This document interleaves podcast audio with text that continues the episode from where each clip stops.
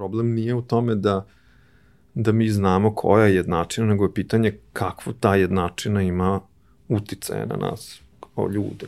Gajanje tog odnosa prema drugačijem je verovatno vrlo plodno tle za, za razvoj kritičkog mišljenja, za razvoj umetnosti, da pronalaziš načina kako da praktično pipkaš nekako u mraku. Ja mislim da je to jedan čudan scenariju gde smo mi sad trenutno završili.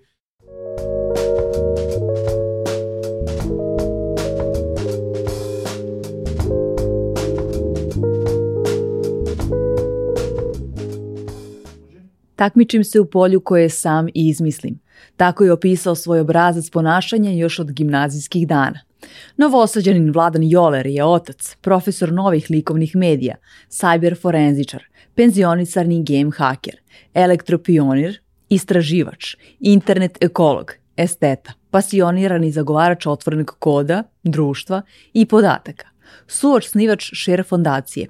Pogađate o čemu ćemo razgovarati, kako je biti prvi. U duhu slogana Grand Cafe Hajde da imamo vremena, želim da vas podstaknem da prepoznate i razvijate svoje mikroveštine, jer ćete njima napraviti razliku. Vladane, zdravo, dobrodošao. Ćao. E, najbolja preporuka za ovaj razgovor, pored svega što si radi, što je vrlo značajno za naše osvešćivanje, hajde tako da kažemo, je tvoja konstatacija da se takmičiš u, u disciplini koju sam izmisliš, u polju kojem sam izmisliš. Kako je došlo do, do toga zapravo? da izgradiš uh, takvu poziciju, hajde tako da kažem, šta je sve u tome prethodilo? Pa ja mislim da, da realno to mene nešto prati već dosta dugo, taj, taj mm, čudna situacija da se ja uvek nađem u nekoj vrsti neistraženog prostora. Sad, zašto je to tako? Ja mislim da je to neka kombinacija u stvari toga što ja a, verovatno zato što je moj originalna ajde kažem to kao background, pozadina dolazi negde iz umetnosti. Ja u principu dosta često bilo šta što radim poslove u stvari tretiram kao umetnost, kao umetnost kao života, istraživanja, tako nečeg. I onda me to u stvari konstantno dovodi do toga da, da se ja nalazim u nekim situacijama, prostorima da ja sad kao konstantno u stvari pronalazim neke nove ovaj, prostore, nove teme, nove poslove u smislu kao vrste poslova. I dosta mi je teško, dosta često da, da ja sad uh, tačno i definišem kako je ovaj šta bi bio moj naziv ili kao profesija. Kad kažeš umetnost, kažeš kao sve doživljavaš kao umetnost, jer to uh, definišeš kao ono uh, oslobođenost nekih okvira. Šta za tebe ono stvari znači? Pa da, da, da, u principu možda recimo ako razmišljamo o tome mislim da umetnost se razlikuje od, od recimo nauke ili od filozofije u metodu. Tako je sad kao, dok je recimo naučni metod dosta striktan i on određuje kako radiš, kojim procedurama, kojim koracima, da bi utvrdio tu neku istinu, a umetnost tu uopšte nema neku zajedničku, da kažem, metodologiju, nego svako od nas negde u stvari promišlja svoju ličnu metodologiju dolaska do nečega što bi bila istina ili lepota ili, ili bilo šta drugo šta, šta, šta stvaramo, ne? Tako da je to, to je ta neka u stvari decentralizovanost metode i sad takva jedna pozicija ti omogućava da ti sad skačeš, gledaš stvari iz različitih uglova, pozajmljuješ metode iz iz, um, iz nauke, iz filozofije, iz samog sebe. I to, to je meni uvek bilo dosta interesantno ovoj poziciji. Da. E, ti i o, to mi je, to mi je glavni, glavni deo ovoga, ti kao da pronalaziš nove prostore, rupe zapravo, na neki način ako možemo, tako da kažem, koje još nisu popunjene, uh, znanjem, istraživanjem uh, i slično, uh, i gde tu zapravo istovremeno ti stvaraš sebi prostor, kako izgleda tvoj ono, stvaranje tog prostora uh, za rad, a s druge strane kako nalaziš ljude sa kojima komuniciraš o tome. Ona prva ruka koja ti je nekako ne, neophodna da, nama svima da. da promišljamo dalje o nečemu, interakcija. Da, pa realno mislim da to nekako se samo od sebe dešava. Sad, recimo, primjer kada smo mi krenuli sa, sa tom pitanjem, na primjer, interneta, internet aktivizma, internet prava. Tada, tada recimo taj prostor ovde uopšte nije, ali nije da je ni na drugim mestima nešto naročito bio razvijen, ali uopšte nije postala ta ideja da recimo internet kao mediji a, sam po sebi može biti polje aktivizma. Ne da mi sad koristimo internet da bi svoju neku drugu, ajde, misiju obavili, pa će nam on pomoći da mi, ne znam, ja napravimo kampanju ili objasnimo nešto ljudima. Recimo, meni je bila ideja to da sam internet po sebi, unutar sebe kao medija, praktično je polje za koje se treba boriti. Ne, ne znači koristiti mm -hmm. internet da bi nešto drugo uradio, nego da se sam internet kao takav uh, a, a, a, da on unutar svoje arhitekture i onoga što se dešava, odnosa moći, ekonomije, sve to, da tu u stvari leži problem i da i, i, i ja kad sam to pokušao nešto da komuniciram i, i putem tih sad recimo nekih konferencija koje smo radili, koje se zvale share konferencije, još nešto tu oko 2010. Tada uopšte percepcija toga polja nije bila toliko ovaj, prisutna. I onda mi kao krenemo u stvari da gradimo to polje, da gradimo tu temu, da, da, da, da nju istražujemo i da negde približavamo taj problem i to pitanje nekoj široj javnosti. A onda u stvari moj problem i sreća jeste što meni kada jednom ja sad ajde kažem osvojim taj prostor, ja meni je sad dosadno i nije mi više zanimljivo da ja sad gradim dalje neku reputaciju o tome, jer to je takođe moguće, znači da. kao nešto tu sad kao postaviš, pa si ti sad kao neki, ne znam ja, ekspert u nečem i ti sad kreneš da u stvari eksploatišeš to. Meni uvek zanimljivo bilo da, da, da gledam gde se to može dalje da se pomere i to je recimo, taj korak je dalje bio od, kad smo, na primjer, krenuli to sa Share fondacijom, jeste bilo ono u stvari što smo radili kroz Share Lab, gde meni to bilo u stvari osnovno neko ovaj, um, zabava i radost je u stvari bila da to kao pronalazim nove metode istraživanja i to je bukvalno tako išlo kao neka vrsta ekspedicije koja je trajala, trajala ajde da kažem, desetak sad godina gde smo mi u stvari pronalazili alate i, i, i znanja i ideje kako da otvaramo jedan po jedan taj neki prostor koji se nalazi iza, iza recimo uređaja, iza ekrana, iza tih telefona, iza te tehnologije koje koristimo i onda smo mi kao krenuli to, znaš prvo, ok, vidimo sad ovde, znači ovaj uređaj je povezan na nešto, na neki mrežu, pa ajde da vidimo kako ta mreža izgleda, pa smo onda pronalazili načine kako sad da to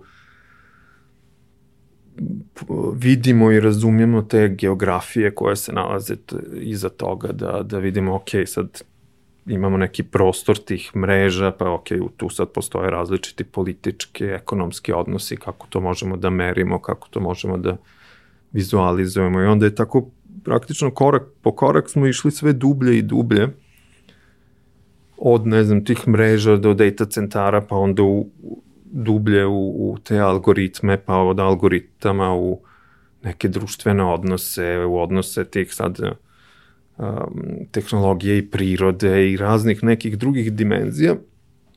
I u principu taj prostor je bukvalno više dimenzionalan i ti sad možeš da to ideš u bilo kom pravcu i to je meni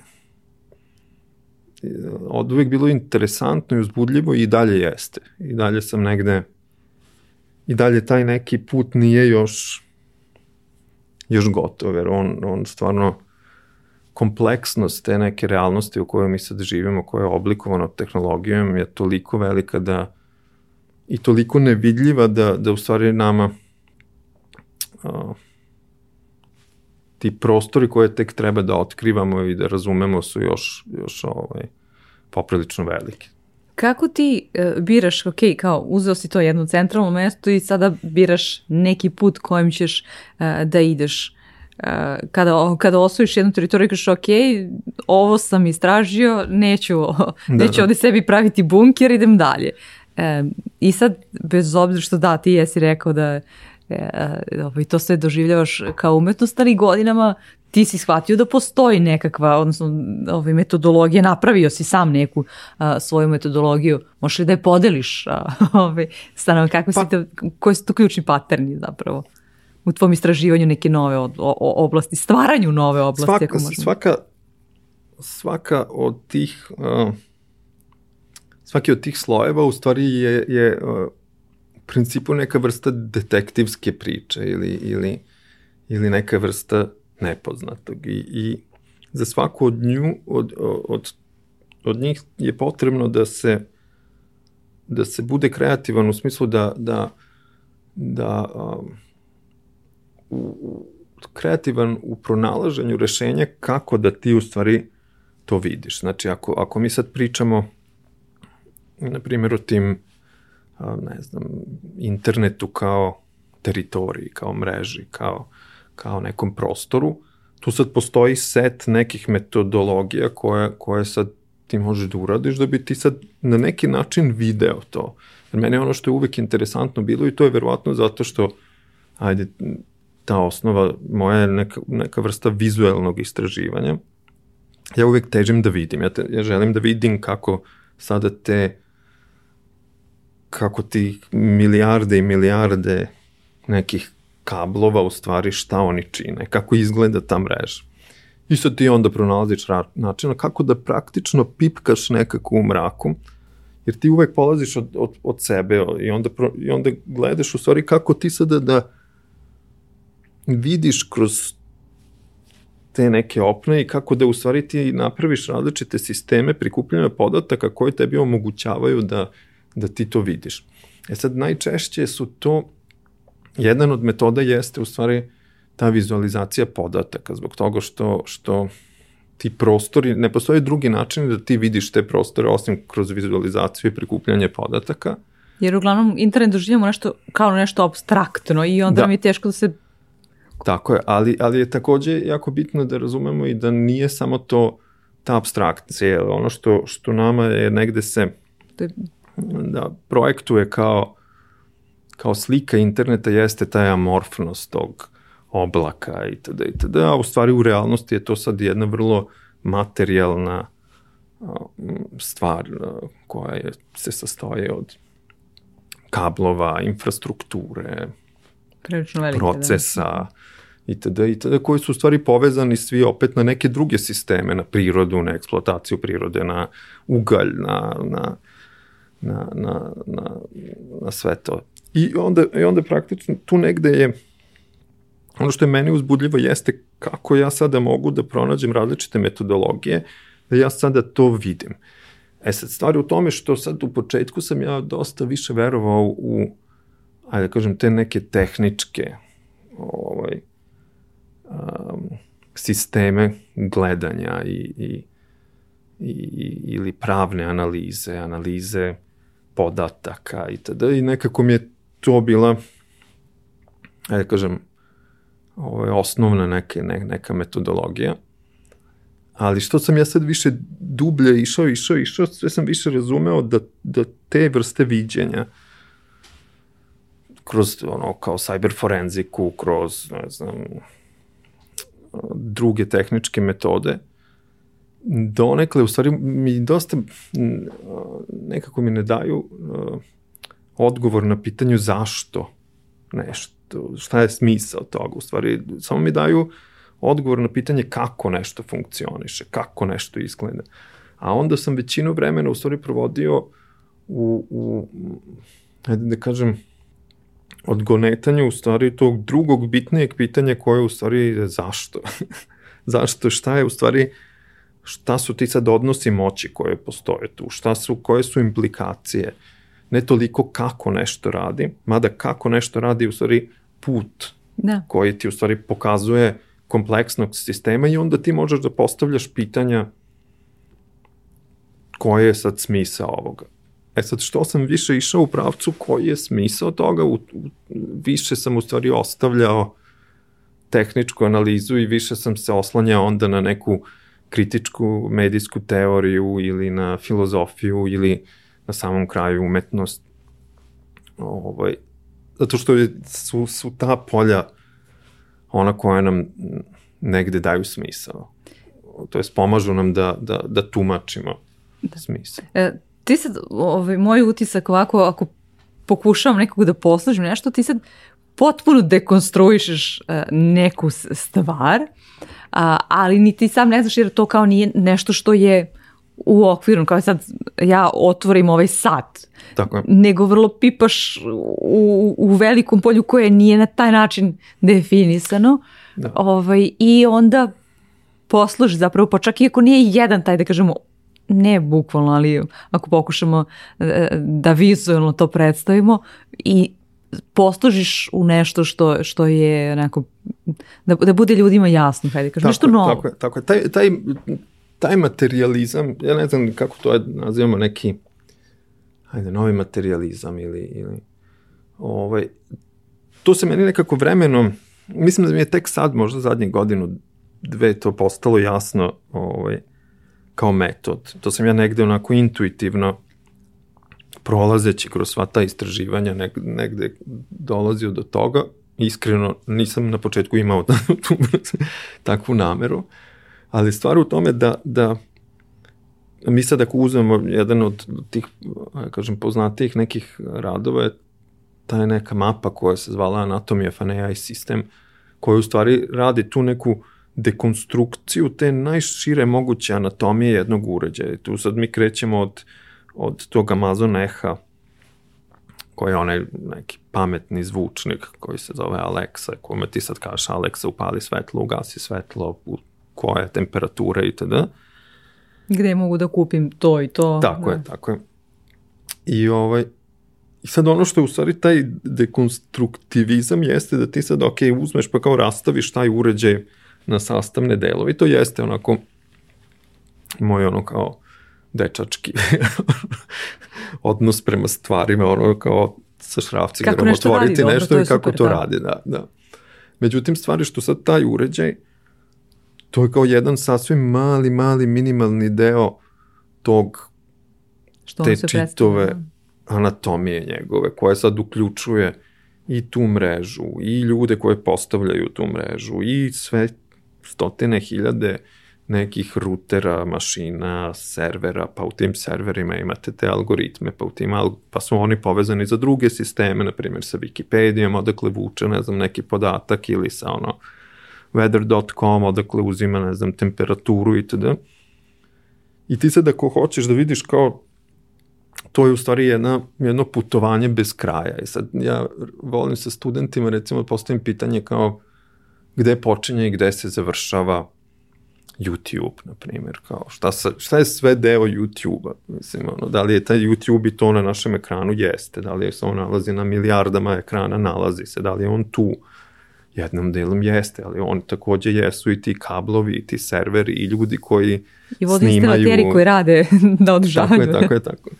I onda ti u stvari kreneš da, da, da ulaziš, e sad stvari u tome što svakim tim korakom ti u stvari razbijaš tu um, tu zabludu o tom interfejsu. Mi svo vreme u stvari gledamo neke interfejse koji u stvari nisu zapravo to. Oni su samo površina koju mi dodirujemo očima ili rukama ili na bilo koji način.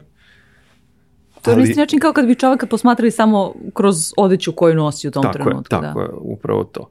I u, sad ono što mene interesuje jeste sad dubinski da pokušam da razumem šta je sve deo toga. Zato što ti sad ako uzmeš i to sve dekonstruišeš, onda ti postaneš svestan da sad svaki od tih segmenata u sebi sadrži neke odnos, druge odnose moći. Pa možemo da kažemo tipa, ajde, unutar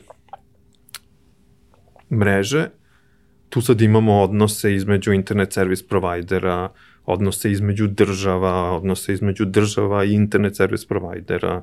Imate različite neke ekonomsko, političko, društvene odnose samo u tom malom segmentu te anatome. Pa sad ako uđete dalje u data centre, u algoritme, onda možemo postavljamo pitanje, ok, šta su ti algoritmi, kako oni funkcionišu, da li su oni transparentni, nisu transparentni, kakvu uh, ulogu oni imaju u društvu, kakav efekat imaju na nas itd. itd. I to je sad kao jedan taj deo nekog istraživanja. A onda možemo da, da sad, ako, ako razmišljamo o tome da je to sad ta neka stub ili, ajde da kažemo, a, kičma tog procesa, mi možemo tu mnogo dalje da odemo i da kažemo, ok, sad ako ja uzmem ovaj server ili ovaj router ili ovaj telefon i ne znam, odem, ne znam, 40-50 godina unazad, taj telefon je bio neka gomila nekog kamenja koje se onda na neki način pretvorilo u tu infrastrukturu. I sad ako krenemo od tog kamenja, to je onda opet sasvim neka druga priča koja je vrlo, vrlo, vrlo bitna. To onda pričamo o rudnicima, o litijumu, o svim tim elementima, kako oni dolaze. To onda postaje sasvim jedan novi univerzum, polje koje možemo da istražujemo ali to je samo recimo jedan krak. Drugi krak je da kažemo, pitamo sebe, ok, sada taj router tu je povezan na struju. Ne?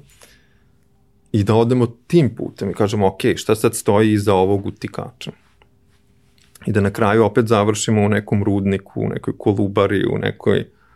Mi sad možemo da odemo u raznim nekim pravcima i sad to kao krenemo od tog utikača pa završimo opet u nekim rudnicima i tome. Tako da, da je to jedan kompleksan i multidimenzionalni prostor koji mi sad možemo da istražujemo na najrazličitije načine, da, da tražimo razne putanje, da, da i mnogo uzbudljivo. U momentu dok istražuješ, uh, ipak treba da imaš i neku širu sliku ovaj, o, o svemu tome da se, da kažem, ne izgubiš bez obzira što se prepuštaš a, u, u taj mm. sam proces, ali kako sad izgleda, da li ti imaš i tu naučnu metodu u smislu da se nekako držiš striktno bez obzira što si na početku rekao da, da izbegavaš to da je umetno stoja, ali kao koji put nekako tebe vodi? Šta znaš kao, e, ovo je kao kraj puta i u ovom trenutku se moje istraživanje završava, stavljam ovde zapravo zarez, da, pa ću da krenem u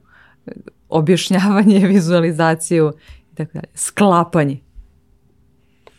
Pa, hm, mislim, to sve kreće, ajde nekako da bi, da bi ti odgovorio na to pitanje, moramo da krenemo, u stvari, znači, mo, moj neki medij koji ja koristim za i za istraživanje i za, za sagledavanje toga jesu u stvari te neke mape. I sad te mape same po sebi one imaju mm, svoju neku unutrašnju logiku, neki unutrašnji jezik, koji ja onda u principu prvo definišem, pa ga onda posle pratim. Znači, ja sad, jer, jer kad pravite mape, to u stvari konstantno ste u nekom, nekom ovaj, procesu klasifikacije, podele nečega na nešto. Kažete, imate dva ovoga, pet ovoga, šest ovoga ili ovo su glavna tri segmenta. Sad ne znam, u, u Anatomy of an AI sistem to su kao rođenje, život i smrti. To su sad kao tri glavna procesa koje onda ja nekako sklapam u jedan i, i istražujem.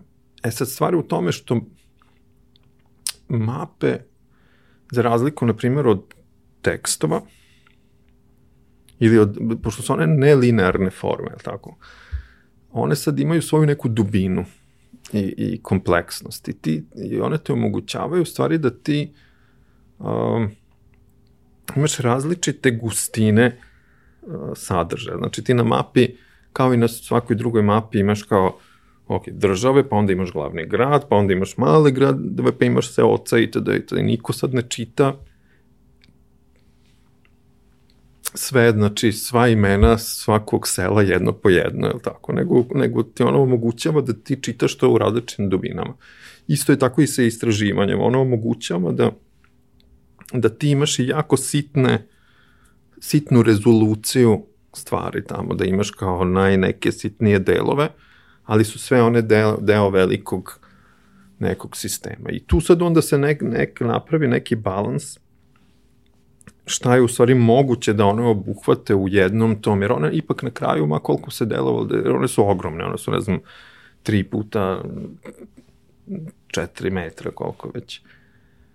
Ovaj, ali one opet imaju, su ograničene tom nekom veličinom i sad tu ti ne možeš beskrajno puno o, informacija tu ipak da staviš. Znači, tako da tu uvek neki balans o, balans se pravi između to kao rezolucije najsitnije stvari i nekog najšireg značenja koje te ove, mape imaju. I ti sad ne možeš u, u principu da spržiš posmatrača, mada su one dosta kompleksne i neki ljudi se žale, ali ali ovaj, ti ipak ne možeš da, da negde moraš ipak da, da ostaviš te mape dovoljno čitljive jasne da, da, da drugi ljudi to mogu da, da, ovaj, da ovaj, tumače.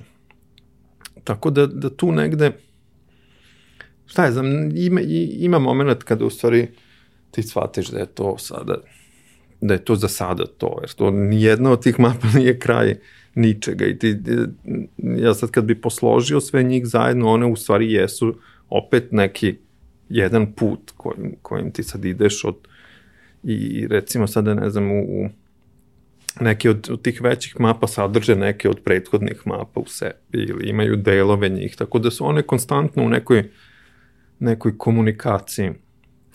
Meni je interesantno u toj priči e, zato što i ti sam kažeš da mape uglavnom dolaze bilo kako je, no, to je ne, na neki način definisanje određene teritorije i ono, postavljanje nekih standarda na određenu temu. E, da, da. ovako ćemo, ovo će nam e, biti sidro na osnovu koga ćemo da se navigiramo i što uglavnom dolazi na neki način od nekoga iz samoćne pozicije, da sad ne striktno a, imenujemo, a, ali ti zapravo na ovaj način pokušavaš da uradiš kontramapu, odnosno iz ne, iz ne pozicije a, tog autoriteta, ali istovremeno ti stvaraš sada neke standarde i okvire. Kakav ti sad odnos imaš prema tome? Da, to, to je jako, jako interesantno kad se vladan sa vladanom Tako, to je jako, malo. jako, je, jako je to bizarno. Ne bizarno, nego u stvari ima, ima u samoj sebi ima, ima paradoks. U stvari, uh, paradoks toga da, da recimo ova, ova mapa koja je sada,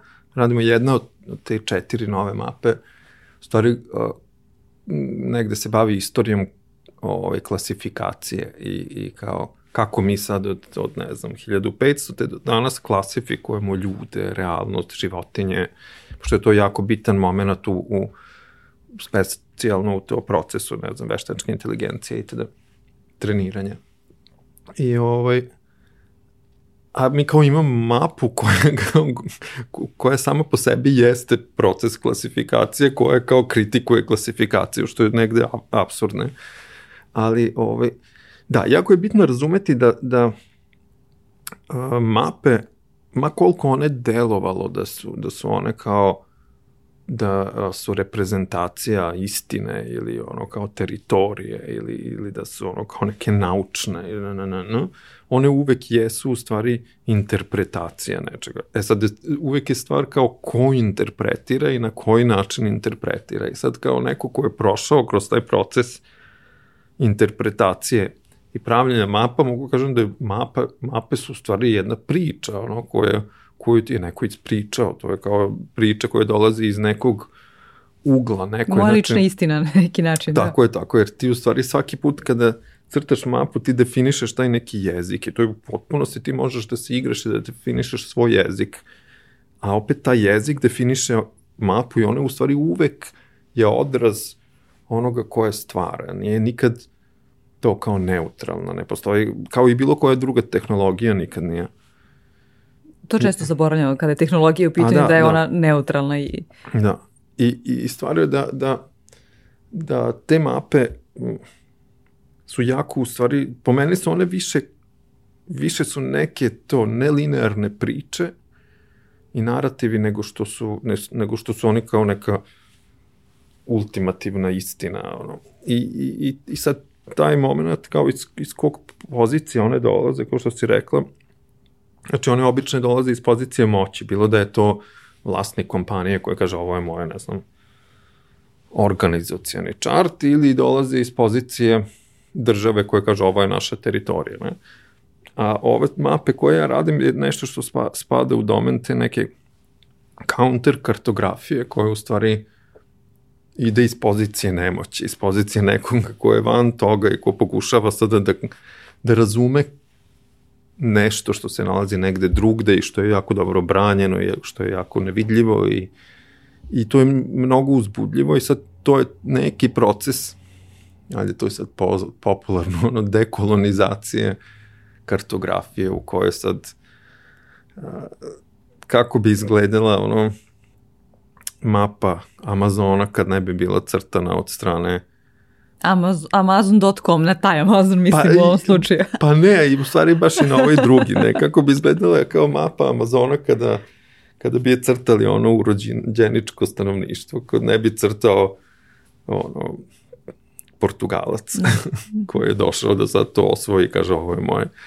Tako da ovaj, i, i to mi je jako jako uzbudljivo, ali, ali uvek znači moramo imati u vidu da, da mape imaju taj neku, sve mape su pristrastne i I... Pa, pa mapa e, iz, iz Atlasa koji služi za obrazovanje osnovaca Tako je. je pristrasna na neki način. Naravno, naravno, one uvek... One Čak uvek... i ako, ako to uzmemo za osnovu. Tako je, tako je, tako je. Ona je uvek ovaj, redukcija realnosti i prilikom bilo koje redukcije realnosti ti u stvari moraš Šta znači redukovanje? Znači da ti nešto brišeš, je tako? Brišeš neki nivo kompleksnosti. I samim tim je ona uvek plod ljudske interpretacije.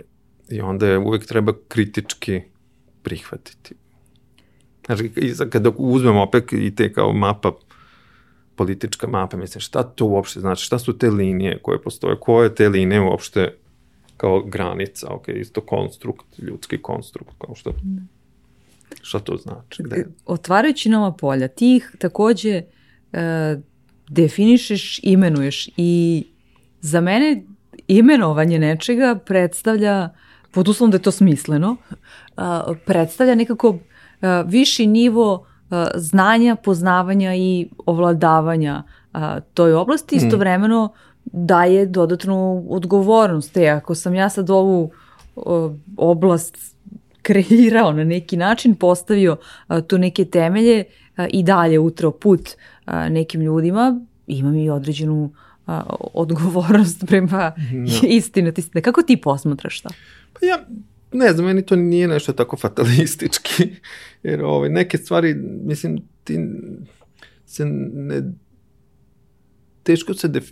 one ne padaju s neba u principu, one su uvek plod nekih gomile nekih drugih stvari, drugih procesa, drugih ideja, drugih naučnih istraživanja ovoga onoga. I taj proces je nekako meni naj, najlakši ovaj, tog nazivanja ili jer nekako je to nekako je to prirodno. Ono što u stvari je je neprirodno je stvari šta se posle toga de... Ne da je neprirodno, u stvari to je isto prirodno, ali je čudno šta se posle dešava, kako u stvari neke stvari ono što se, sam ja vidio tokom godina jeste u stvari konstantan taj proces u kome na primjer vi imate neko neka pitanja, neke prostori, neke ideje dosta često u stvari nastaju iz polja umetnosti, jer umetnost tu stalno divlja da, da pronađe nešto novo, nešto na, na, na, na, na, i onda se tu stvaraju neka, neka pitanja koja u stvari onda dosta često iz polja umetnosti prelaze u polje aktivizma ili recimo nevladenog sektora ili tako nešto, iz polja nevladenog sektora u polje nekog advokasija, iz nekog advokasija u neke politike, iz nekih politika u neke regulative. I to je ono što se konstantno dešava. Sad mi recimo ja sam uspeo nekako u svom ovaj, dosadašnjem radu da propratim par nekih recimo ovaj GDPR, na primjer, kako je sad nastao, ja se sećam nekih bukvalno početaka tih ideja, ne kao regulative, nego kao, ok, šta je ovo, kako ćemo mi sada da ono deal with this. Pa recimo, ne znam, isto kao AI etika i, i, i, i ono što je meni u stvari najblesavije jeste u stvari taj tok u kome ti sad, ok, možda si nekad tu nešto zagrebao na, na početku, ali to onda se pretvara u nešto sasvim deseto i onda tu pre, preuzimaju neke ono ne znam, ja sam bio na nekim ono sad u, ne znam, Evropskoj komisiji u, u tim Savetu Evrope, da sad to ti posle 5-6 godina to nešto uopšte više ne liči na, na to što je bilo u početku, nego sad već postaje neka... Da li dobija neke okvire koji su valjani, što je pa, nešto možda najbitnije da, na kraju da. dana. Zavisi, Možda da. jeste da mutira, ali neko mutira na dobro, da, neko da, da. na ne baš dobro. Meni tu tako, zavisi, zavisi, ali meni tu ono što u stvari više nekde brine jeste hiper um, hiperprodukcija tih ne pojmova, ali hiperprodukcija tema koje se jako brzo otvaraju i, da? i jako brzo nestanu. Uh, tipa ne znam, copyright. Tako je to bilo ono zanimljivo pitanje i to kao ranih 2000-ih i ne znam i Pirate Bay i ovo i ono i svi su samo u toj nekoj media art scene i o tome pričali i nije se to dovršilo, nije se taj razgovor se nije završio ali više nije tema toliko. Ne. Pa smo onda imali u jednom momentu A šta misliš da je razlog? Privatnost, recimo, da. pa smo kao, ovo, ovo privatnost, pa kao, više nije tema. Pa smo onda imali, ne znam, data, visualization, pa smo algoritmi, pa veštačka inteligencija. Konstantno se otvaraju nove teme i one stare postaju vrlo zastarele, vrlo brzo, ali se ne rešavaju. I to mi, to mi je ovaj, ovaj, Da, ili misliš to me, da... To me zabrinjava negde u smislu da kao kao nije, nije seksi, znaš, kao ti sad više ne kao big data, oh my god, kao that's so five years ago. Znaš. Misliš da je rekako uh, razlog tome što se te teme ne završavaju, što, odnosno što neki drugi postaju aktuelnije, uh, je što kao, ha, ok, probali smo ovo da rešimo, nismo uspeli, aj sad da vidimo da, da. Šta, šta možemo e, da rešimo ili ili jednostavno kao je, koja je nova tema koju možemo da se, da se bavimo, da, da zabažurimo ovo sa strane? Pa ne znam, ja imam osjećaj kao da svi, ali to svi dolazi ono čak i od najviših kao tih nekih regulatornih tela, u stvari potpadaju pod tom ludilo savremenog života koje je ono kao izloženo tim nekim hiper trendovima koji se dešavaju jako brzo, kao što ono, ne znam, imamo nove, ono, imamo, pre smo imali, ne znam, ono, četiri ili dve to kao ono modne sezone godišnje, sad imamo svaki dan je nova modna sezona, znaš, tako i, i onda na kraju i u, i u i u ono kao regulisanju društva je isto, kao postoje hipertrendovi koji onda se nikad ne dovrše, ne? Sad je pitanje da li neke od tih stvari i mogu da se dovrše. A recimo i dalje, meni nije jasno i, i, i nisam siguran kako bismo mi izašli na problem sa tom, recimo, algoritamskom transparentnošću. U smislu, ok, ako oni sad na kraju izađu sa tim kako izgledaju te jednačine, a pogotovo što neke od tih jednačina jesu i, na primer, bazirane na mašinskom učenju i to koje ti ni ne možeš da ono kao na kraju ono razumeš zašto je ovo odgovor, ovaj, šta će nam to pomoći? Kao, jer, jer problem nije u tome da, da mi znamo koja je jednačina, nego je pitanje kakvu ta jednačina ima uticaje na nas kao ljude koje koriste, či, pod čim smo ono, hajde kažem, uticajem te Jer te recimo algoritmi su u stvari samo neke, neke vrste pravila, neke odluke koje kažu, ok, ne znam, ono, crveno svetlo na semaforu je toliko sekundi, zeleno je toliko, to je algoritam, ne? I ovaj, Međutim, sad taj, recimo, odnos tih toliko i toliko sekundi u stvari pravi odnos između ljudi i mašina, kola i ljudi. Sad mi možemo svaki od tih matematičkih jednačina da, da pokušamo da razumemo koja je tu a, društvena ono kao kakav te načine imaju uticaje na nas kao društvo, pa da mi možda promenimo ili ne. Ali problem u tome da se one stvaraju tolkom brzinom da mi ne, ne bi nikad mogli da budemo uopšte u, u toku s tim, jer nama je potrebno ono, dve godine da napravimo analizu kako ova vrsta algoritma utiče na, na, post, na ono, ne znam, nekog na Facebooku ili na Googleu ili whatever, a za tih dve godine već se taj algoritam promenio hiljadu puta.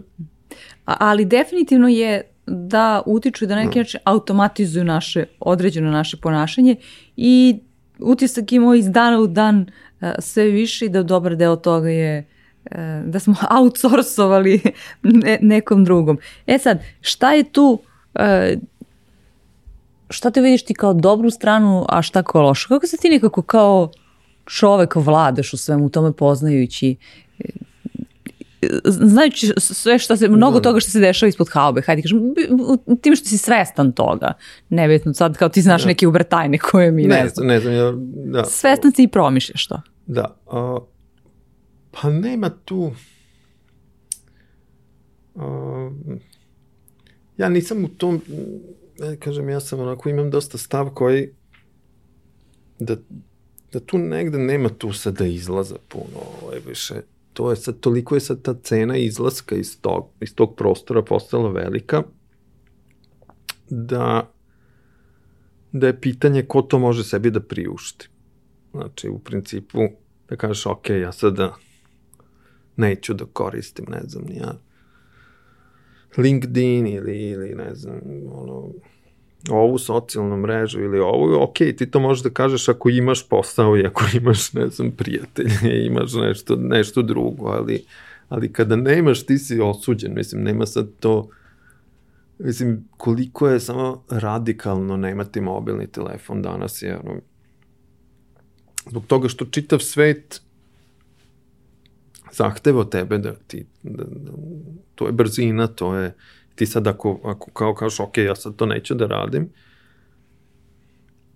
ti jako brzo u stvari ispadaš sada iz Ti si to probao. Pa... Jesam, ja sam to x Kako je to iskustvo, da? Pa meni je to super, ali mislim, ja živim u, u kao ono vrlo privilegovano situaciji, ono, ne, ne sad kao finansijski, nego to kao imam šta god da krene po zlu, na kraju imam posao na fakultetu, da, da predajem iz penziju i kao, ja nemam tu vrstu pritiska i mogu sebi da, da, da priuštim mnoge stvari. Ali većina ljudi ne, većina ljudi ne može. I sad... Jel misliš da je sve to voženo zapravo a, upravo finansijskom, finansijskom interes, finansijskim interesom? Pojedinca. Da, to, to su, kombinovane su, znači ne možemo, mislim, ja ne, ne treba tvrditi da je sve to stravično i da je to, mislim, fakat jesu, jesu to neverovatno um, moćne tehnologije koje su negde svakog od nas unapredile, ugomile nekih aspekata, učinile život bržim itd. itd. Međutim, postoji jedan veliki deo toga koji u stvari ima svoje i, i negativne neke aspekte. I sad, mislim, šta se, mi možemo da razmišljamo o tome, ako sad premotamo malo nazad i kažemo, to kao neki početci interneta, ono su sve bili protokoli, ono ništa nije bilo, nisu bili proizvodi, ono, e-mail je protokol, nije nečiji proizvod. Tako, ne znam, um, isto, ne znam, chat, ovakav, onakav. To su sve bila neka, ajde da kažem, javna mesta koje su omogućavala ljudima, internet i dalje omogućava ljudima da se povežu na taj način, da svako od nas bude i, i one koji šalje i one koji prima i server, da je svako od nas televizor za sebe, ok? Ali iz nekog čudnog ugla se to u zadnjih desetak, 20 godina je prošlo kroz jedan proces centralizacije, da smo mi umesto te ideje da mi imamo da razmišljamo o tim prostorima kao bibliotekama, kao o infrastrukturi, kao o, o nečemu što omogućava ovaj, neku vrstu horizontalnog umrežavanja, mi smo u stvari došli u situaciju da je sve to sada toliko centralizovano i, i sve je pretvoreno u proizvod. I to je jako strašno. E sad, najluđe od svega što smo mi završili u nekoj, ja mislim da je to jedan čudan scenariju gde smo mi sad trenutno završili, mi smo završili u toj nekoj obliku nekog, taj surveillance kapitalizam, taj neki ono kao kapitalizam nadgledanja, to je dosta blesav scenario, mislim. A krenuli smo od ono, javne biblioteke.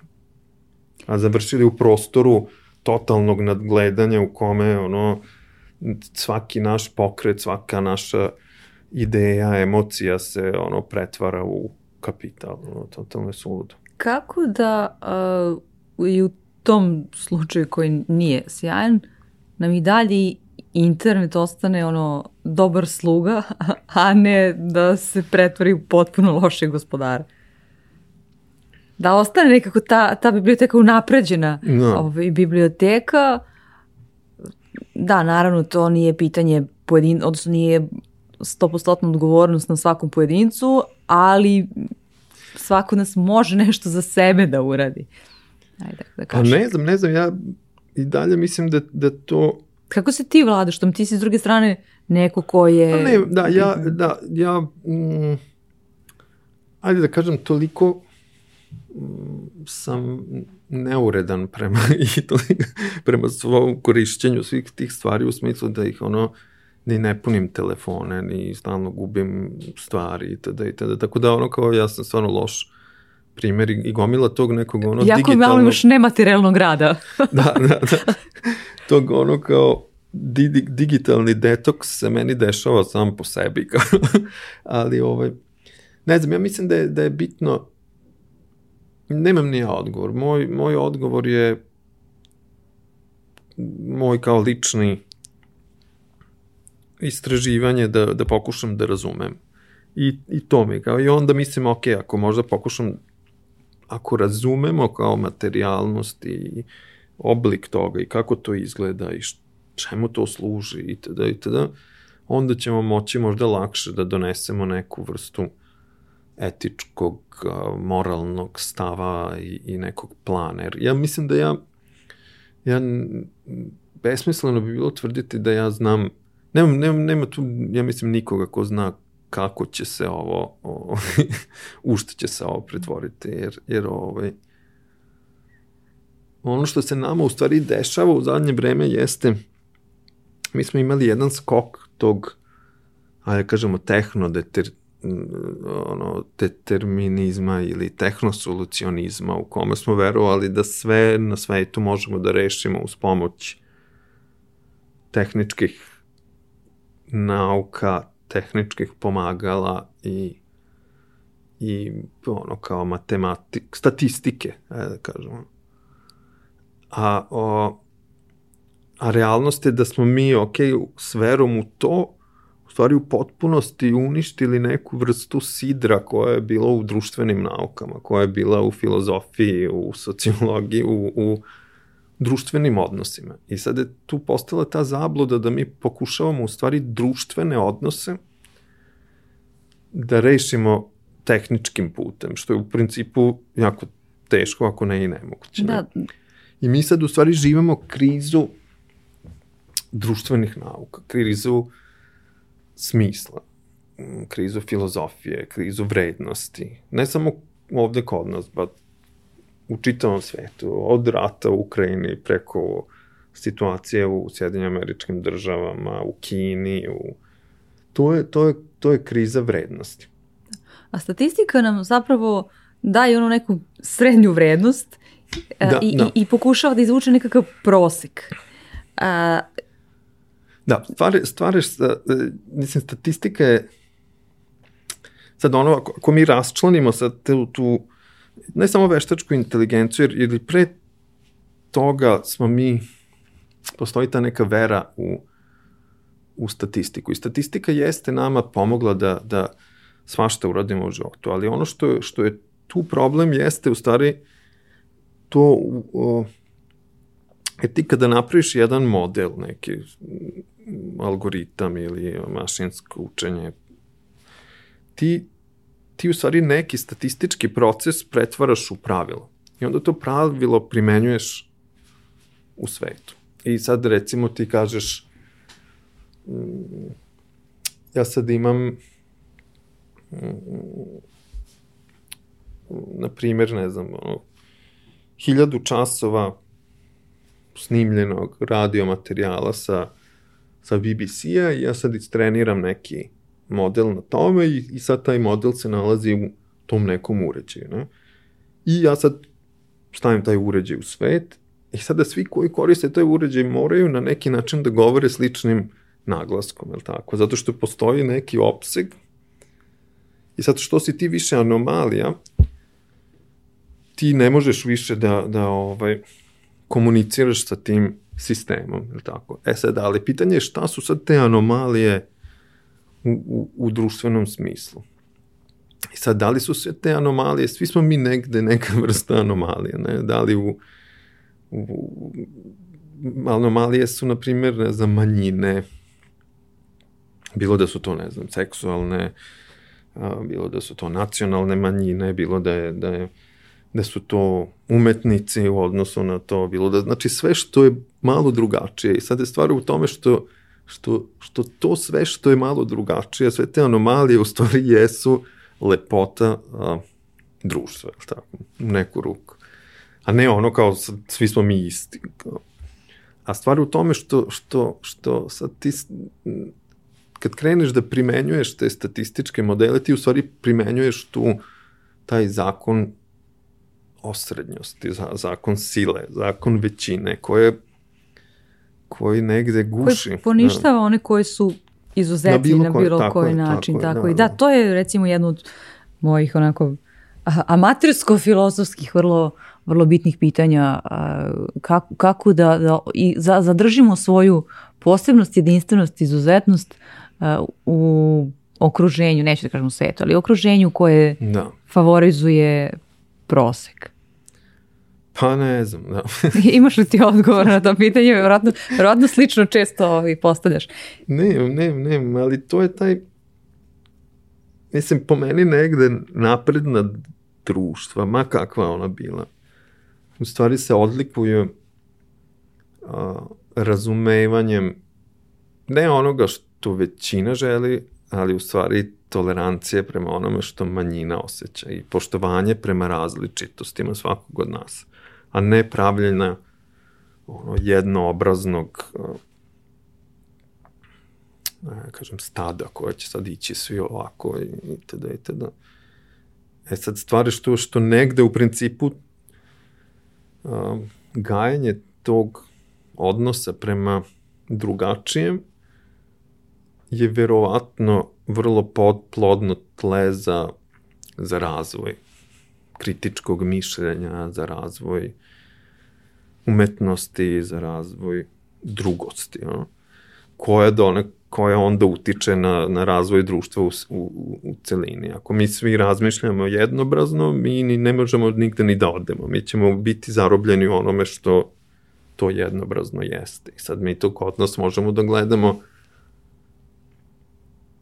na, u mnogo ono nekih aspekata, ono od to, te neke ono, promocije, neke romantizovane prošlosti koje se verovatno nikad nije ni desila do ono itd. itd.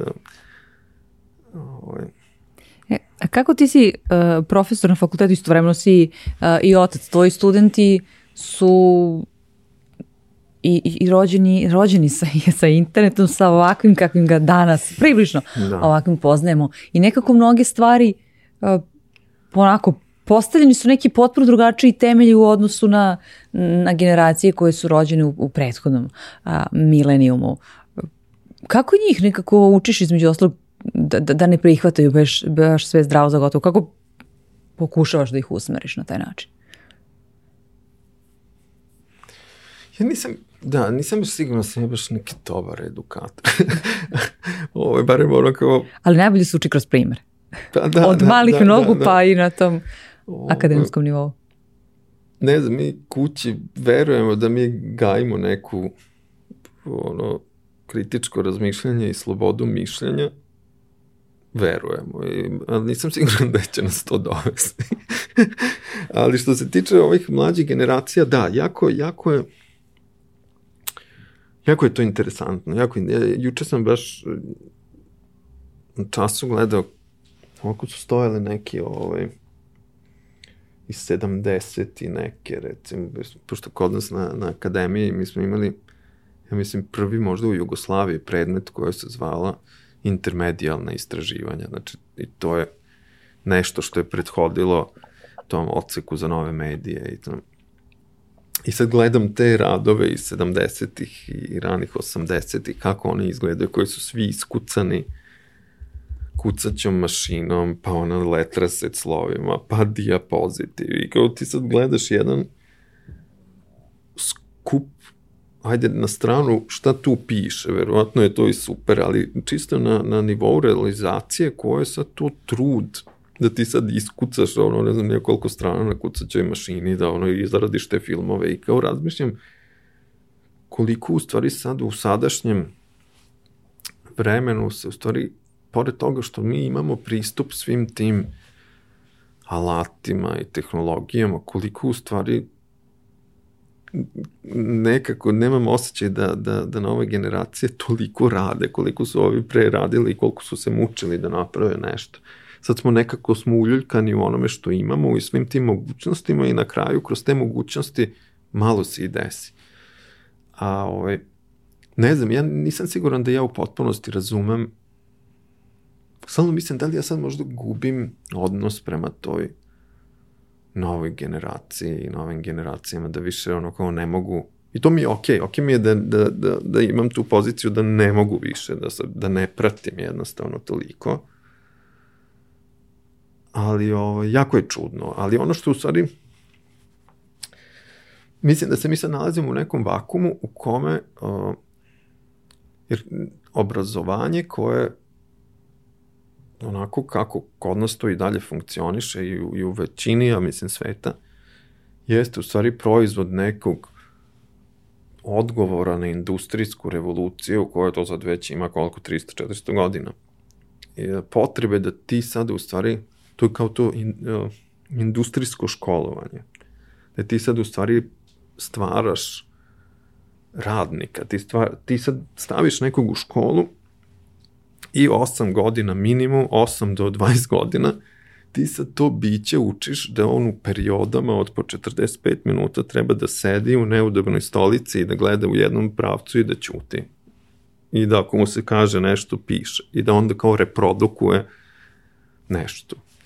I sve je tu u stvari najveći uh, jedan od glavnih aspekata tog industrijskog oblika školovanja jeste u stvari da ti učiš radnika da on posle ono 10-20 godina sedenja u tim klupama i to da sad može isto tako da ode u, ili u fabriku ili u svoj ono neki kao box i da mu je tu sasvim okej. Da se ponaša tako kao neka vrsta algoritma koja će sad da izvršava ovo ili ovo. E sad stvar što sa internetom je, je, je sasvim druga to jednostavno nema više nikakvog smisla, jer kao ta reprodukcija znanja u stvari je sekundarna u odnosu na to kako, kako ti u stvari se krećeš kroz znanje, kako ti kritički povezuješ stvari. Znači, nije više informat, ono, pristup informacijama nije više problem, nego je problem kako mi sad možemo kritički da u stvari uh, upotrebljavamo te informacije i kako da stvaramo nešto novo. A to je ono što naš školski sistem ne radi. Znači, on ne samo naš, nego kao taj industrijsko revolucionarni sistem, u stvari se bavi jednom ono kao totalno izumrlom reproduktivnim i manualnim radom. Ne bukvalno manualnim, ali tako, to je. Da. Tako, i onda je sad pitanje šta sa ta deca koja su sad kao potrošila 10-15 godina na to, a to im uopšte ne treba, mislim. Da. E, prilično je poslednjih nedelja uzdrama onako ovaj, otvaranje ovog chatbota na OpenAI-u e, i kao dokaz da je, je ta veštačka a, inteligencija toliko uznapredovala, da, da, kao, kao živi nekako dokaz, on, onda je a, e, dobar deo čovečanstva zapravo na jednom oglednom primjeru shvatio a, kako to izgleda. Tu se desilo u, stvari u zadnjih um, da li je to iznenađenje ili nije jer, jer čitava ta kao generativni AI koje su obe te stvari, znači i taj chat i, i, i, i ovo sa, sa sa pravljanjem tih koje kakvih ono, ilustracije i toga. To, to je tek onako raspomećujuće, da. To je jedan side effect, u stvari osnovnog, jer kao u većini slučaja taj veštačka inteligencija u stvari ide u pravcu klasifikacije realnosti. Ti sad klasifikuj, ili ovo drvo 70% jeste, 30% nije. Da li je ovo lice, da li je ovo lice to i te osobe i mi smo se većinu vremena prat, ono, bavili u stvari tim Jer, jer ti sistemi za klasifikaciju su, su opasni. To su ono surveillance, to su granice, to su prepoznavanje, to su da, da, da, da, da.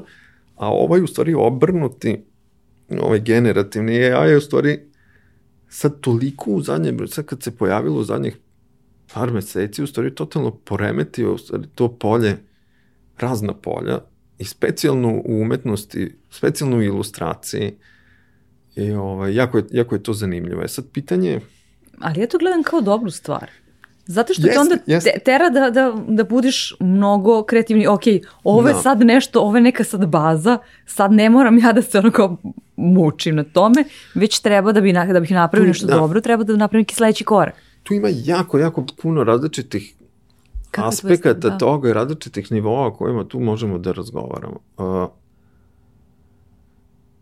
ima sad, sad ne znam da li u stvari to istina ili nije, ali kao je kvotuju kao ovaj, Žižeka na, koji kao na temu OpenAI, možda se to nije ni desilo, ali jako je fazon, super je fazon, da on kaže, ok, sad imamo studente koji u stvari, i to, i to jeste problem, sad je, on je toliko dobar da ti sad pitanje je to kao eseja za studente, da li to sad uopšte ima smisla više, jer sad kao može student bukvalno onoga, napiše mi esej na tu i tu temu i ti dobiješ esej koji, ja sam probao par i oni stvarno Čak i na srpskom prilično dobro radi. Da, da, da, da dosta dobro zvuči. E, a onda kao fazon ili ne od, od Žižeka jeste, ok. I onda s druge strane imamo profesora koji isto koristi sad neki AI sistem da ono kao oceni taj rad. I pošto smo to završili, pošto čekaj, taj pro, proces edukacije smo završili, sada možemo na miru da ono kao učimo šta god hoćemo da učimo. I to, I to je negde super odgovor u smislu da kao, ok, Možda neku stvari ukucao na OpenAI-u kao napiši mi uh, citat uh, kako, bi, kako bi na to reagovao da, da, Slavoj da, da, Žižik, da, da, pa kao da vidimo šta. Ali to je, to je, to je ta stvar. Ok, ako, ako, ako je to sad automatizovano, možda nam to onda nije ni trebalo. Možda to stvarno nije onda Da, ali e, i ti si to spomenuo, recimo, da. onda nam e, ljudska komunikacija, razgovor, interakcija e, jeste na neki način e, ekskluzivitet i ono što je blagodet, zapravo e, odakle će ponovo nicati nešto novo. Tako je, tako je. E, i, i, i to jeste to i to i to i, i, i čitav taj deo, tu sad postoji jedan deo koji je kao automatizacija i strah od automatizacije i to sad od pojave industrijske evolucije i prvog ono kao tog o, mašine za, za, za ono pletenje itd. itd. Mi imamo taj strah. I sad taj strah je delom opravdan, delom neopravdan. Jeste da svaki put kao neko izgubi posao, jeste, ali se neki drugi poslovi kao otvori. Sad kao takva je situacija. Ali ono što u stvari tu jeste, šta je, šta je meni interesantno kod procesa automatizacije, jeste ko automatizuje. Znači, ko će sada da, da jer šta ti radiš, ti sad imaš um, to ima, imate ono kao isto vezano za početak industrijske revolucije i taj Taylorizam, gde, gde ti sad imaš situaciju da kako to funkcioniš? Imaš jedan proces, imaš kao sad, ja pravim ovu cipelu. I onda ovi rođenje kao tog industrijskog menadžmenta, ovoga, naučnog menadžmenta i Taylor i svi kažu, ok, ajde sada da podelimo pravljenje te cipele na segmente, recimo 100 segmenata, i sad svaki od tih 100 segmenata je vrlo lak. Jedan je ovo, jedan je ovo, jedan je ovo, jedan je ovo. I šta si ti uradio? Ti si u stvari tom segmentacijom i pretvaranje, praktično pretvaranje jednog zanatsko-umetničkog procesa pravljenja cipele se ti u stvari pretvorio u algoritam, tako, u neku instrukciju. I što je instrukcija Preciznije. sitnija, to je lakše da se ona automatizuje. I ti na kraju vršiš neku vrstu ekstrakcije znanja i kreativnosti od, od, od zanatlije ili umetnika, pretvaraš u algoritam i automatizuješ. I na kraju ti imaš fabriku koja je fabrika, robotizovana fabrika u kojoj više nemaš, imaš jednog umetnika koji će ti to nacrtati i prodati i još ne mora ni da bude tamo i onda posle sve to ide samo po sebi. E sad je stvar je ko sada, ko će izaći iz ove revolucije kao kompanija ili čovek koji je, koji je sad vlasnik tih alata, jer onda sad taj AI, ti, ti sistemi postaju alati koji su u nečijem vlasništvu. I onda će oni da generišu ogromnu količinu kapitala. I to je, problem je u tome što, što će, nije problem u samoj automatizaciji, problem je u tome što ćemo mi sad, ovi koji su već sad u mogućnosti, a to su opet ovi Google, Facebook, ovi koji leže na podacima, jer ti da bi radio automatizaciju procesa, ti moraš da imaš ogromnu količinu podataka, ko ima ogromnu količinu podataka, ovi koji su sad ovaj, najbogatiji koji sede na podacima. I oni će biti ti koji će sad dobiti još veću moć. A mi sad već imamo neverovatan situaciju da, da, da je to kao koncentracija kapitala i moći u vrlo malom nekom broju ove, ovaj, kompanija i, i pojedinaca, a oni će postati još ojačeni zbog toga što su oni ti koji sad će i da, da, da zamene sve ilustratore, da zamene sve, ne znam, whatever, ono šta god automatizuju, ono, pisce, seja, programere. Copywritere, programere, znaš, kao, to je sad pitanje kao, ok, svi mi ostali ćemo nešto naći sebi neki drugu zanimaciju. Je ovo sad nastavak uh, industrializacije ili fabričkog rada ili uh, potencijalno nova prilika za, za renesansu? Koju ćemo ja mislim... ti ja za života doživeti? Hajde da se tako nekako ograničimo. Ove... Jer to nije nekako, bez obzira što postoje ono, kroz istoriju kao te godine to počelo, te godine to nije baš... Industrijska revolucija isto bio pa, dugačka da. i spora, da, da, nije to sad tako preko noći se nešto desilo, ali... Pa ne znam, meni, ono, meni je pogotovo u ovom tu je nekoj prošle mapi ovaj novi ekstraktivizam i video, mene u stvari to jako interesuje to pitanje rada. Uh, novo pitanje rada i novo pitanje radnog odnosa, koje nije, koje sad već, ajde kao, mi smo imali jednu vrstu promene sa ovim razbijanjem ideje, jer sad kao vozač Ubera ili već Cargo ili kako se zove, on, on je isto kao, nije više radnik, sad je korisnik aplikacije. Sad je tu kao, nema više radnika, sad smo svi korisnici, pa ne moramo više ni da imamo socijalno ništa. Ono, prosto smo mi, mi korisnici aplikacije. E sad je stvar što ta usitnjavanje tog nematerijalnog rada u stvari ide u pravcu da ti sad Pružalac ne moraš... usluge zapravo kroz aplikaciju, ja mislim tako, da se tako. Tako, da. Što, što je na dobar način da se izbegnu neka tako je, tako je, tako je, ali stvarno da se iskoriste neka pravila. Što, što, ono što mene interesuje jesu sad te nevidljive forme rada na koje mi sad uopšte nismo svesni da, da jesu rad, jer, jer, jer ono, ako mi sad imamo procese kao što je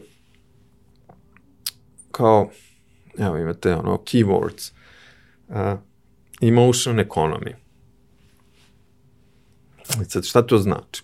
Znači da kao Šta je, re, i ono što mene interesuje, znači kao taj odnos između resursa, radnika i proizvoda. I sad šta je resurs, šta je radnik, šta je proizvod u kao emotion economy. Resurs su emocije, je tako? Naše emocije. Znači, mi smo sad tu u poziciji resursa, nismo više ni u poziciji radnika, nego smo u poziciji resursa koji se iskopava.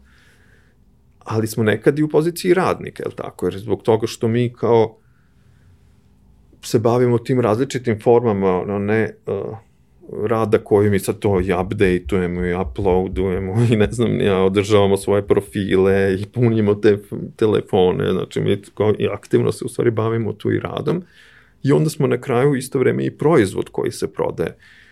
I to je totalno suludo ako mi sad uzmemo i reflektujemo na, na taj neki trougao marksistički tog odnosa uh, resursa radnika i proizvoda jeste da mi sad smo u sva tri polja u isto vreme i to je ono što je meni dosta zanimljivo i što me negde, negde zbunjuje. I, ovaj, I sad to ide sve dublje i dublje i dublje. Što više teritorija koje se tu negde osvajaju, jer to, to su bukvalno osvajanje teritorija. Sad vi imate hiljade i hiljade nekih kompanija koje svakim danom osmišljavaju nove načine za ekstrakciju podataka ili za prikupljanje podataka, bilo da je to sad, ne znam, ono, kiseonik u krvi ili broj otkuce srca ili disanje ili polokacija ili emotikoni ili šta god.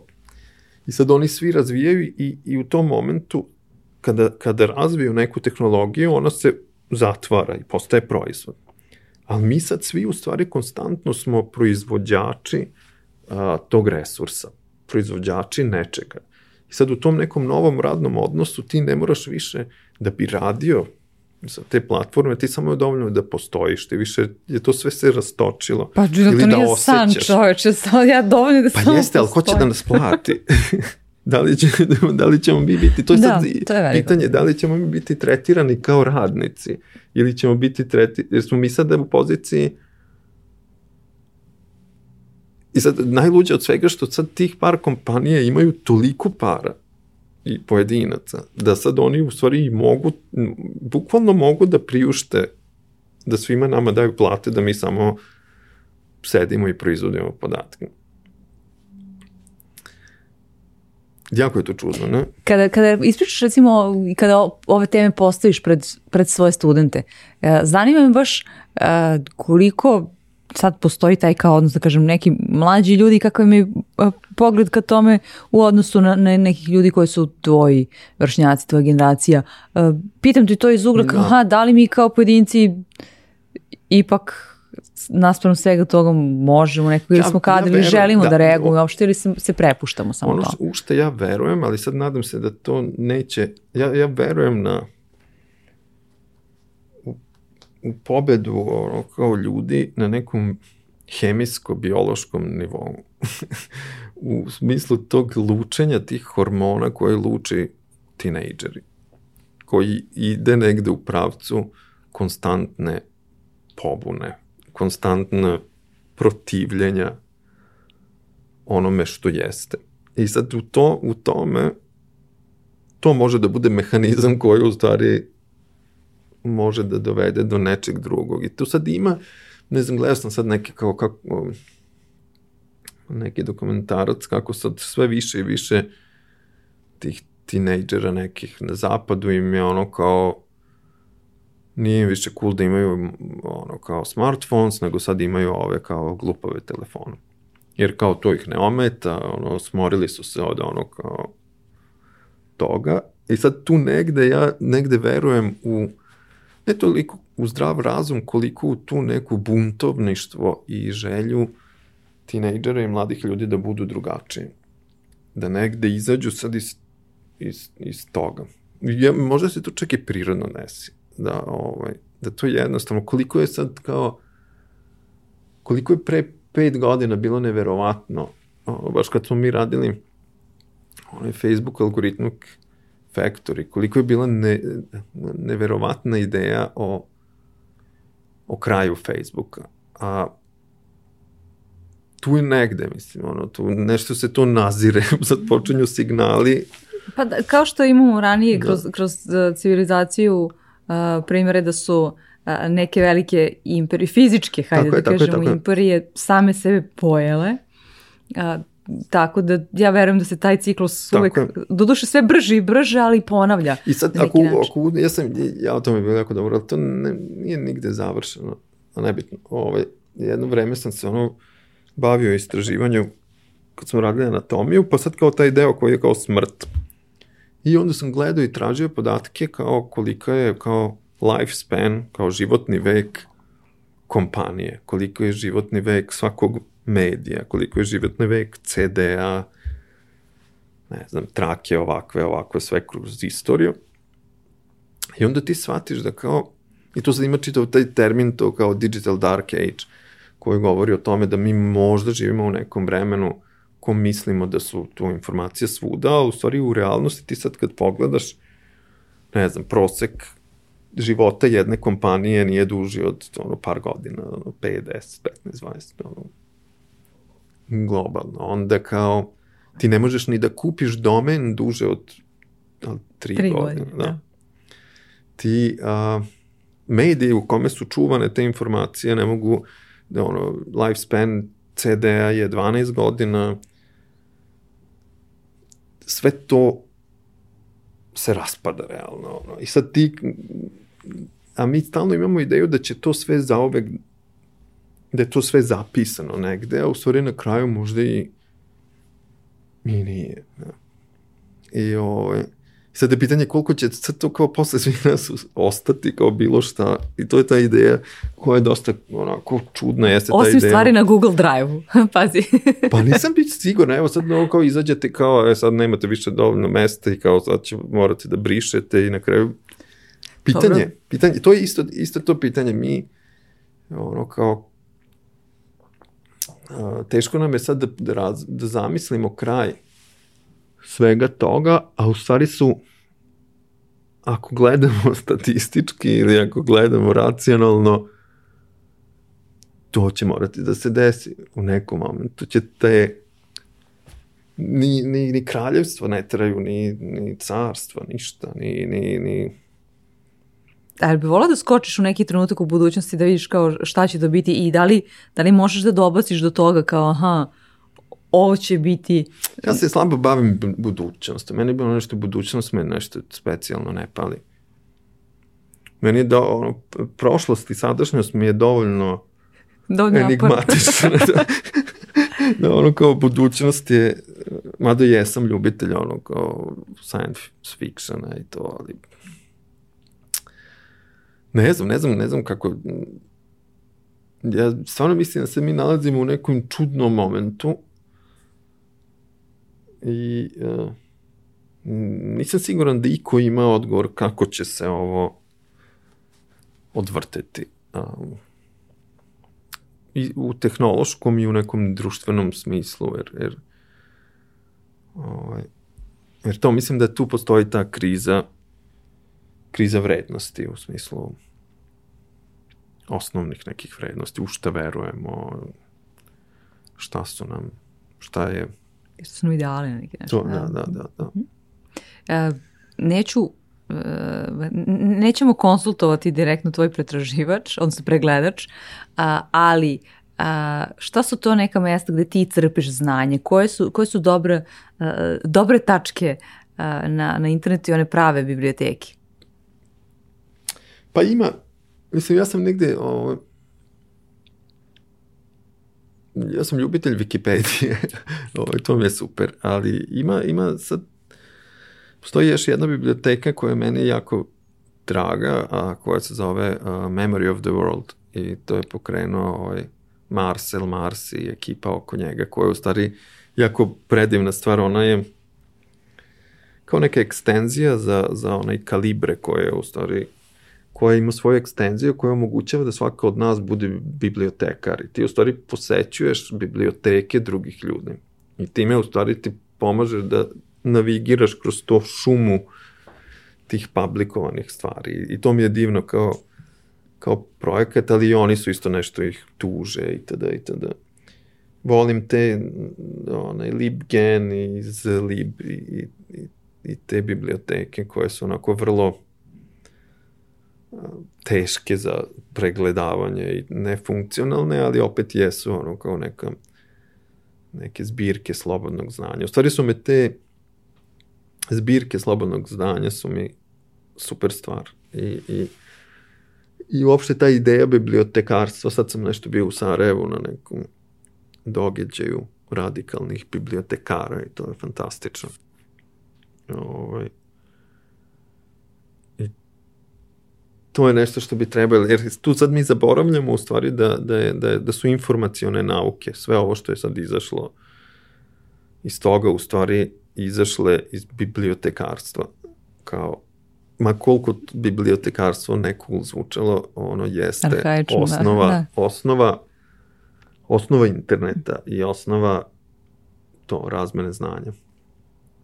Tako da su to neke stvari koje koje volim, eto, da, da. A bez kog ti znanja uh, ili veštine ne bi bio ovaj vladan sa kojim ja razgovaram? Pa, ne znam. Mm, šta je znam, ja mislim da, da možda možda bez je, postoje neke dve stvari koje su mene bitne. Jedna stvar je neko kritičko mišljenje i kreativno mišljenje. Možda su to iste stvari, nisam siguran. Možda i nisu. Ali, ali ovaj, to je nešto što meni, što mislim da negde definiše mene kao tako i što mi u stvari jako pomaže u, u živote, ono kao način kako ja sad ajde kažem kreativno razmišljam o nekim nekim stvarima. Mislim, to me u isto vreme dovodi u, i, u, i u nevolju, ali, ali je negde, negde je i kao nešto što, što bi ja teško mogao sebe da vidim bez, bez toga. Onda bi verovatno bio neki kompletno drugačiji varijanta sebe, ne da. E, hvala ti na ovom razgovoru. Nekako je u duhu uh, ove priče da, da danas e, poklonimo nekome ko, ko ovo sluša i prati e, na YouTube-u knjigu Digitalni minimalizam u izdanju Kontrasta. Mm -hmm. Je li imaš ti neku neko pitanje zapravo ili da, da ostavimo ljudima otvoreno dovoljno pitanje šta je za njih primer dobrog digitalnog minimalizma i kako to da da, da smanjimo malo upotrebu tehnologije. Ti si imao više Pa ja mislim da si super aha. rekla. Ima tu sad uh, termin koji je dosta blizak tom digitalnom minimalizmu, jeste u stvari kao taj digitalni detoks. Da. Ali on je više onako vezan kao da ti sad imaš dijetu od nečega, pa sad isključuješ nešto. Ali nisam sigurno iz kog ugla on ili ona gledaju na to. Da.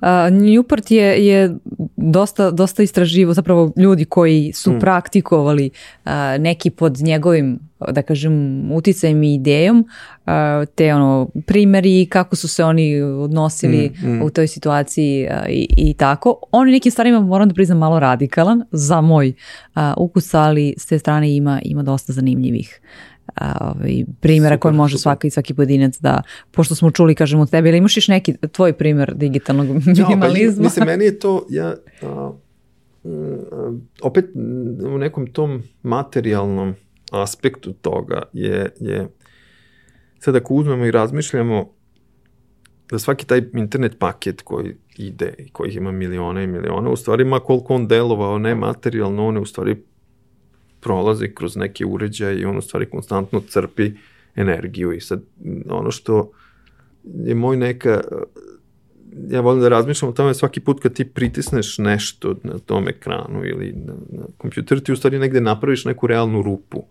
u realnom prostoru, jer tu kao mora neki ugalj da ode pa se spali. I sad mi konstantno spaljujemo tu neke mrtve dinosauruse i, i to da bi, da bi prebacivali neke, nekakve fajlove, ne?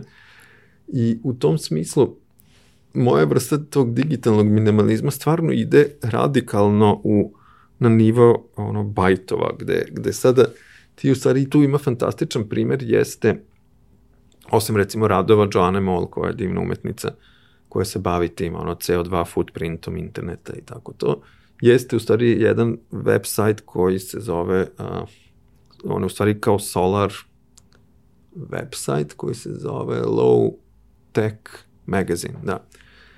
Koji u stvari funkcioniše tako da, da on ima na svojoj terasi, ima ovaj, neku solarnu ploču, napravio je svoj neki najminimalniji mogući server i tu se nalazi najminimalniji mogući web sajt, ali on je toliko minimalan da je tu sve promišljeno, on nema ni jedan logo, nego je samo tekst, pa nema čak nema ni font, nego je font onaj default font koji ti imaš na svom kompjuteru. Sve je promišljeno do kraja da on bude što manji. I opet je on povezan na, na, na sunce, na struju. I ti sad vidiš bateriju, koliko tamo ima baterije u tom momentu, tako da noću to sad pada, pa ti sad razmišljaj da li ćeš noću da posetiš taj website ili nećeš. Možeš da se počne na tu vremensku tako zonu. Je, tako je. I da li ćeš ti uopšte reći nekom drugom za taj website, jer onda će ti drugi ljudi da dođu pa će da potroše tu bateriju. I to je sad sasvim, sad vrlo, vrlo jednostavna ideja, onda opet sasvim radikalna u smislu da, da ide u potpunosti protiv toga more, more, more, more, more, nego je u stvari kao optimum, ok, kakvo je sada vreme u Barceloni, da li pada kiša, ne pada kiša i da li ima smisla posetiti ili nema. I to je neka veza koja u stvari meni je veza između tog minimalizma jeste u stvari odnos da ti razumeš vezu između materijalnosti, tehnologije i prirode. Da ti u stvari postaneš svestan da svaki taj pokret u digitalnom prostoru ima svoju otisak u, u, u realnom prostoru, da mi realno ono spaljujemo ugalj i to da, da, bi, da bi prebacivali filmove. Da li je, da li je uh, očekivano iz tog ugla da, da takvih projekata bude pa jest, više? Da, to... da uzmu nekako zamah i da više ljudi postane svesno toga. Sigurno, sigurno. Mislim, to je sad trend negde da se to promišlja zbog, zbog to globalnog zagrevanja i sad ta veza između tehnologije i globalno, globalnog zagrevanja i ekologije postaje sve ali svi smo mi negde u tome već, kao kod nas je sad izašlo na, na, na videlo to sa litijumom, ali, ali mi u, u mobilnom telefonu imamo tri četvrtine periodnog sistema elemenata, pa ti sad ono imaš svuda, samo što je to nevidljivo, to je problem. Što dosta često se to dešava negde drugde. Da, nije, u nekom nije, drugom nije, selu, u nekoj drugoj državi, u nekoj drugom je nečiji drugi problem. Ali ponekad taj problem izađe, pa je nama sad se pojavio tu u obliku litijuma, pa sad eto, ti sad imaš čitavu etičku gomilu etičko, ekonomsko, političkih pitanja oko, oko tog jednog delića onoga što to jeste. Dobro, u slučaju... Samo eto igra slučaj da. kod nas se dešava. Pa onda nama je više na, na oku, tako je. Uh, da, pitala sam te ovo kao, uh, da, li će to, da li će to biti i dalje izuzetak ili će se postaviti na taj način u kontekstu i onoga što smo malo prepričali uh, da se uh, mlađe generacije vraćaju na neke ono, legacy telefone naspram. Pa možda, da, da, ne znam, ne znam. Ili ti samo tako želiš da veruješ, iako, nisi, iako se ne baviš futurizmom. pa želeo bi, mislim, iz čistog razloga što nam nema nam nije da mi imamo puno opcija, da sad kao uh, postoji baš nešto puno planeta koje su bolje, ono, u boljem stanju od ove naše Tako da ovaj, ne, nema, nema mi, u jednom momentu sam pitanje da li je to da li je, ono, da li je već prekasno ili će biti prekasno, ali, ali ovaj, ono što je meni tu interesantno jeste razmišljanje kako Jer mi tu ne pričamo, to je kompleksno pitanje, mi tu ne pričamo samo o sadašnjem momentu, mi tu pričamo i o prošlosti, mi tu pričamo i o budućnosti, jer ti sad, ono što radiš sada, ti u stvari uzimaš krediti iz prošlosti i iz budućnosti. Ti u stvari oduzimaš sada tom nekom detetu koje će se tek roditi, ti uzimaš kredit time što, što ono, Da, saglasna sam s tom i to nije uopšte kao, ne smatram da je to no. Da. ono kao mračno sagledavanje, već vrlo realno. Da, da, da. da. Ovo, ovaj, tako da, da, da, a opet u isto vreme mi sad imamo u, ovaj, u atmosferi to čestice verovatno i sa početka industrijske revolucije. I sad tu sad leži što je neko već spalio ogromnu količinu ovaj, i izgradio čitave ono, kao imperije na tome. A sad negde kao mi koji dolazimo kasnije, Kao šta ćemo jedni mi. Znaš, kao mi nismo ni prošli kroz ono sve to. Da. Htjela sam nekako u, u vedrom nekom tomu da ipak završimo. O, o, da. Uh, pa, pa jel ti na kraju dana imaš neku vedru, vedri pogled na, na sve to? Ok, ima dosta toga što smo kao negativno, ove, ali ima li nešto dobro u tom? Pa ima, ima, mislim, ja, mislim sve,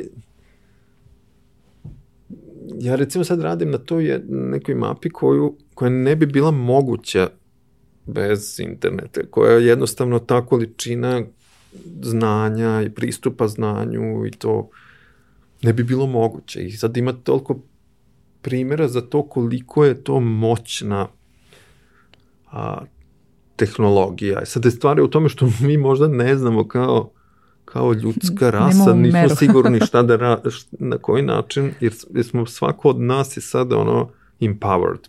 Ali da. to znači svako.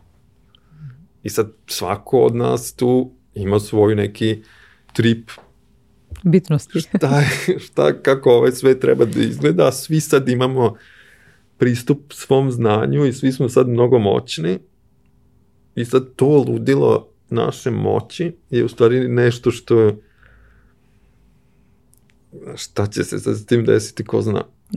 Ovaj, ali može daleko od toga da je to sve negativno. Nije, mislim, to, to su fantastične stvari. To kao svako od nas kao pre 500 godina smo odštampali prvu knjigu u Evropi, ono, ljudi to kao I sad 500 godina, 500 godina je apsolutno ništa da. u, u, u nekoj istoriji. Sad, od tog momenta do danas mi imamo situaciju da je sad sve svima dostupno to je po, u potpunosti ovaj, fascinantno i da, da, da ovaj, samo je bitno da, da, da ne budemo potpunosti ono osle, to kao slepi na, na, na to neke side effects koji su tu, koji nisu ni side effects, nego su verovatno podjednako podjednake težine koliko i, i, i moći koje, koje, koje smo dobili.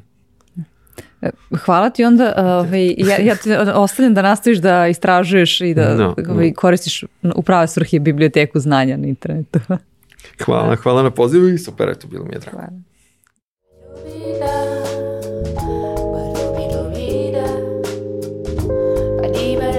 da, para, para, raro.